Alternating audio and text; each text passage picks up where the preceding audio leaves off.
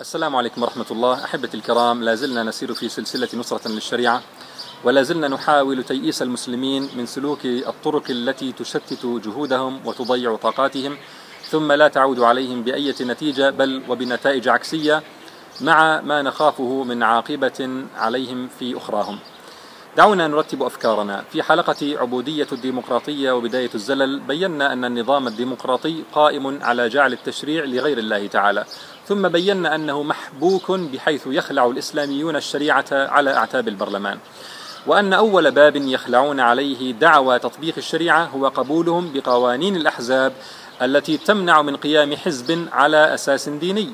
وأن هذا يجعلهم يستمدون شرعيتهم البرلمانية من الشعب الذي انتخبهم وليس من الشريعة وهو بالتالي تسليم منهم بمبدأ الديمقراطية. ثم بينا أن الباب الثاني الذي لا يبقي أي بقية من دعوى تطبيق الشريعة هو القسم على احترام الدستور الوضعي المصري. بينا نصوصا من هذا الدستور ترد التشريع إلى الشعب وتصدر الأحكام باسمه. وبالتالي فإن القسم على احترامه هو قسم على احترام إعطاء البشر صفة من صفات الربوبية ألا وهي التشريع. ثم ذكرنا أحد أعذار البرلمانيين المعلنة لقسمهم هذا ألا وهو وجود المادة الثانية في الدستور التي تجعل الشريعة المصدر الرئيس للتشريع. لكننا وضحنا في الحلقتين الأخيرتين انعدام قيمة هذه المادة بل أن عدمها أقل جرأة على الله من وجودها بنصها وسياقها وتحكم البشر فيها. هذا ما وضحناه في الحلقتين الأخيرتين. إذا فليسلم معنا المنصف بأن القسم على احترام الدستور المصري هو قسم على احترام شرك التشريع جعل البشر مشرعين من دون الله. ولا خفاء في حكم قسم كهذا في دين الله عز وجل. بل لو قال قائل أحترم أن يكون التشريع للبشر من دون الله أو قال ليس التشريع لله هكذا دون قسم فهذا القول ينقض إيمانه. فكيف عندما يقسم على ذلك؟ وكيف عندما يقسم بالله العظيم على الشرك بالله العظيم؟ إذا فليسلم معنا المنصف بأصل الحرمة ابتداء. فليسلم معنا المنصف بأصل الحرمة ابتداء كخطوة أولى في الخطوة الثانية تعالوا نستعرض أعذار البرلمانيين الإسلاميين التي يبررون بها قسمهم هذا ليخرجوه عن أصل الحرمة ونعرض هذه الأعذار على ميزان الشريعة. في الواقع عند استعراض هذه الأعذار ترى مناقشة للموضوع بمنظور مختلف تماما عن المطلوب وكأننا نتكلم عن لمم من الإثم لا عن قضية متعلقة بالإيمان ونقضه. فأول هذه الأعذار أن بعض النواب الإسلاميين يقولون عقب قسمهم فيما لا يخالف شرع الله. فأقول إخواني في حل المعادلات الرياضية نرفع الرمز ونضع مكانه الرقم الذي يساويه. في حالتنا هذه الدستور والقانون الوضعيان يساويان جعل التشريع للبشر إن كان هذا التعبير أخف وقعا من وصف الكفر بأن الله تعالى هو المنفرد بالتشريع. فعندما يقول البرلماني الإسلامي أقسم بالله العظيم أن أحترم الدستور والقانون بما لا يخالف شرع الله فماذا يختلف عن قول أقسم بالله العظيم أن أحترم جعل التشريع للناس من دون الله العظيم بما لا يخالف شرع الله؟ ماذا يختلف عن قوله أقسم بالله العظيم أن أحترم سلب التشريع عن شرع الله بما لا يخالف شرع الله؟ ولذا فهذا القسم محال التطبيق. كمن يقول أقسم بالله أن أقعد واقفا وأنام صاحيا. إخواني هذه ليست مبالغة ولا تحميلا للكلام ما لا يحتمل. هذا نزع أغلفة الزينة لنكتشف مرارة واقع المسألة. والعجيب أن القاعة تضج بالتصفيق عندما يصر النائب عليها وكأنه فعل ما عليه وتجنب الإثم والخطأ بزيادته هذه العبارة. فمثل هذا القسم تلبيس على الناس وتمييع لمفهوم أن الدستور يصادم الشريعة مصادمة كلية كاملة جذرية. فالدستور شريعة البشر القائمة على جعل التشريع للبشر فهو على النقيض من شريعة الله عز وجل. المسألة ليست أنه يحتوي على مواد مخالفة بل هو المخالفة ذاتها. العذر الثاني الذي يتعذرون به أن البرلماني الإسلامي يغير نية القسم في قلبه. فمنهم من قال ينوي أنه يحترم المادة الثانية أو ما لا يخالف الشريعة وقد بينا بطلان هذا كله فيما تقدم. وقال بعضهم ينوي بقلبه أنه يحترم القرآن الذي هو دستور المسلمين. ثم يسترسلون في بيان أحكام التورية وأن النية يمكن أن تكون على نية الحالف لا على نية المستحلف. وتضيع القضية في هذه التفاصيل التي ليست هي محل نقاشنا. ويتغاضى تماما الحديث عن التلبيس الحاصل على الناس في أخطر قضايا عبوديتهم لله وخضوعهم لشرعه. نسأل البرلمانيين هنا سؤالا طرحناه من قبل. أنتم عندما دخلتم البرلمان وأقسمتم هذا القسم ما هدفكم تحديدا؟ إصلاحات جزئية أم إقامة الشريعة؟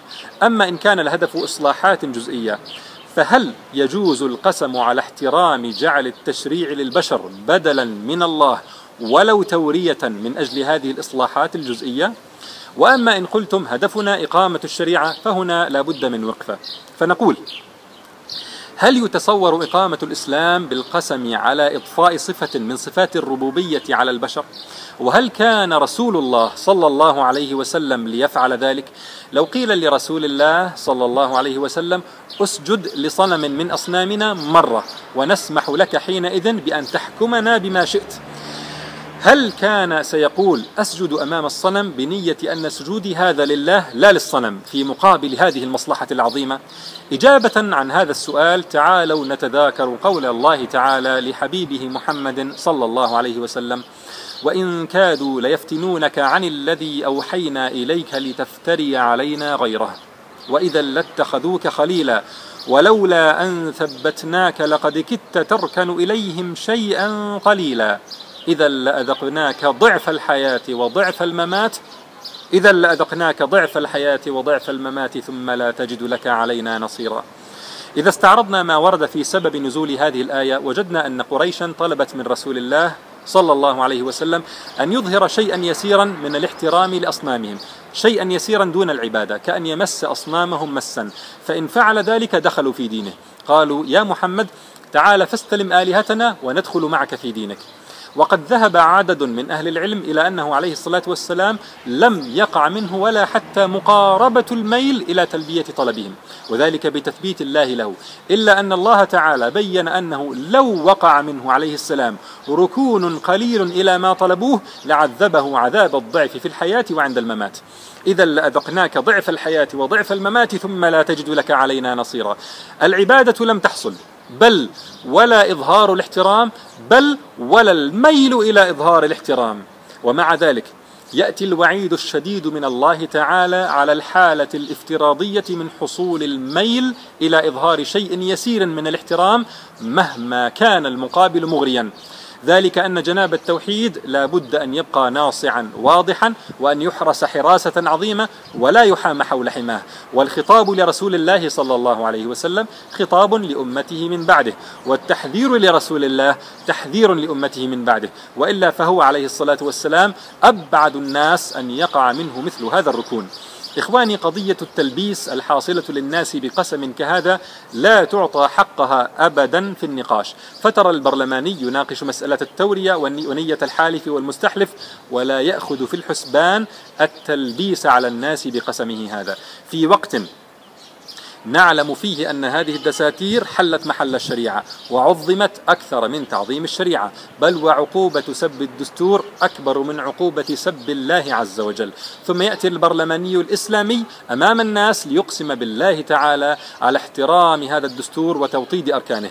هذا كله لا يأخذ أدنى نصيب من النقاش من النقاش والاعتبار. انظر كيف كان رسول الله صلى الله عليه وسلم يضبط ألفاظ الصحابة لرعاية جناب التوحيد مع علمه بأن ألفاظهم هذه كانت تصدر منهم بنية سليمة. قيل له ما شاء الله وشئت فرد عليه الصلاة والسلام أجعلتني لله عدلا. أجعلتني لله عدلا يعني كفءا بل ما شاء الله وحده وهؤلاء هداهم الله يلبسون على الناس بقسم على ما يجعل البشر عدولا لله بل مشرعين بدلا من الله. لم يقل الدستور ما شاء الله وشاء الشعب بل ما شاء الشعب وحده. وليس هذا سوء تعبير مع نية سليمة كنية الصحابة بل نص ملزم تتبعه قوانين نافذة يعاقب من خالفها. فأين حراسة جناب التوحيد يا أصحاب القسم؟ أبهدم التوحيد والتلبيس على الناس تقيمون الشريعة؟ ثم هؤلاء الذين يقولون نتحمل مفسدة القسم مع التورية من أجل مصلحة إقامة الشريعة. وقد يستدلون بأن رسول الله صلى الله عليه وسلم أذن لمحمد بن مسلمة أن يوري أمام كعب بن الأشرف اليهودي بكلام يظهر منه عدم القناعة بالإسلام. بكلام يظهر منه عدم القناعة بالإسلام إذ قال إن هذا يعني النبي صلى الله عليه وسلم قد عنانا وسألنا الصدقة. وقال فإنا قد اتبعناه فنكره أن ندعه حتى ننظر ما يصير أمره. حتى ننظر إلى ما يصير أمره. كلام عام. أذن رسول الله له أن يقول هذا الكلام ليأمنه كعب بن الأشرف فيتمكن محمد بن مسلمة من قتله وإراحة المسلمين من شره وتأليبه للكافرين على رسول الله صلى الله عليه وسلم. فنقول هل تصح هذه الحادثة الاستدلال على واقعكم أيها البرلمانيون؟ هل واقعكم كواقع محمد بن مسلمة إذ ور بإذن النبي تورية في لحظة فاصلة القصد منها خلع الكفر من جذوره ودحره دون أن يتبعه أي عمل مخل بالإيمان ودون تلبيس على المسلمين في قضية الاحتكام إلى الشريعة ودون أن يكون عمله هذا خداعا للمسلمين قبل الكافرين ودون أن يتحول الدين عنده إلى تقية سياسية تضعف فيه ثقة الجماهير هل كل ما يطلب منكم هو هذا القسم الذي به تدخلون قمرة القيادة لقطار البلد لتعلنوا منها أن الحكم لله وأن كل دستور خالفه فهو باطل وتحرفوا على الفور مسار القطار لتضعوه على سكة الشريعة هل المسألة بهذه البساطة؟ أم أن واقع الأمر أن البرلمانيين يقسمون ليدخلوا مجلسا تشريعيا؟ تظله قوانين الدستور التي تجعل التشريع للشعب وتجعل الأحكام صادرة باسم الشعب وإنما يصول البرلمانيون بعد ذلك ويجولون وفق مواد هذا الدستور. فانخراطهم في مجلس كهذا هو احترام عملي للدستور يصدق عمليا ما أقسموا عليه بألسنتهم. ولسان الحال أبلغ من لسان المقال. فلا هي لحظة فاصلة بين الإيمان والضلال ولا هو قسم يتبعه استئصال الجاهلية من جذورها بل يتبعه فعل محرم في ذاته ويلبس به على الناس وكأنه خداع لهم قبل أن يكون خداعا لأعداء الشريعة. فالبرلمانيون يقسمون قسمهم ليدخلوا قمرة القيادة لقطار يسير على سكة مرسومة. لا يهم من في قمرة قيادة هذا القطار طالما أنه يسير على السكة الديمقراطية المرسومة له مسبقا. فالمطلوب في هذه الحالة تغيير السكة لا تغيير الطاقم في قمرة القيادة. المطلوب تغيير السكة وليس تغيير الطاقم في قمرة القيادة. إذا فعند مناقشة جزئية القسم ينبغي وضعها ضمن المنظومة والسياق الديمقراطي الذي افتعل القسم ليكون إعلانا باللسان يتبعه إعلان بالعمل أن مرد التشريع إلى البرلمان من دون الله. فبالإضافة إلى إشكاليتنا مع القسم ذاته فالإشكالية مع سياقه وما يقسم من أجله أكبر. لعل قائلا يقول لماذا تركز على هذه المواد من الدستور ولا تذكر المواد الأخرى التي تحفظ للمواطن إنسانيته وحريته وكرامته ومساواته بالآخرين؟ وليسمح لي من يتساءل سؤالا كهذا أن أقول له هان عليك حق الله تعالى. إي والله هان عليك حق الله. ما من مبدأ جاهلي قديم ولا حديث إلا وفيه هذه الشعارات الرنانة عن الحرية والمساواة والكرامة. لكن ما الفائدة إن حصلنا حقوقا بشرية وضيعنا حق الله تعالى؟ عندما نتكلم عن إشراك العباد مع الله في صفة من صفاته فإن نقطة من هذا التجرؤ على الله لو وضعت في محيط من الحسنات لأفسدته. ولقد أوحينا إليك وإلى الذين من قبلك لئن أشركت ليحبطن عملك ولتكونن من الخاسرين. ثم لعل قائلا يقول كل هذا من أجل كلمة كلمة يقولها البرلماني ونيته طيبة وقصده شريف فنذكره أن المرء يدخل الإسلام بكلمة ويخرج منه بكلمة وأن الله وصف قولا فيه شرك بأنه تكاد السماوات يتفطرن منه وتنشق الأرض وتخر الجبال هدا. ونذكر بحديث البخاري أن النبي صلى الله عليه وسلم قال وإن العبد لا يتكلم بالكلمة من سخط الله لا يلقي لها بالا يهوي بها في جهنم. إخواني كان هذا فيما يتعلق بالضمانات التي وضعتها الديمقراطية لتضمن بها حماية نفسها كنظام بشري وضعي وتمنع التسلق من خلالها لتطبيق شريعة الله عز وجل. الحلقة القادمة هي في نظري أهم حلقات السلسلة حتى الآن. تعرض لحقيقة كبرى غيبت والتبست على كثير من الخاصة فضلا عن العامة فانتظروها واسألوا الله لأنفسكم ولأخيكم وللمسلمين الهداية والعصمة من الفتن والسلام عليكم ورحمة الله.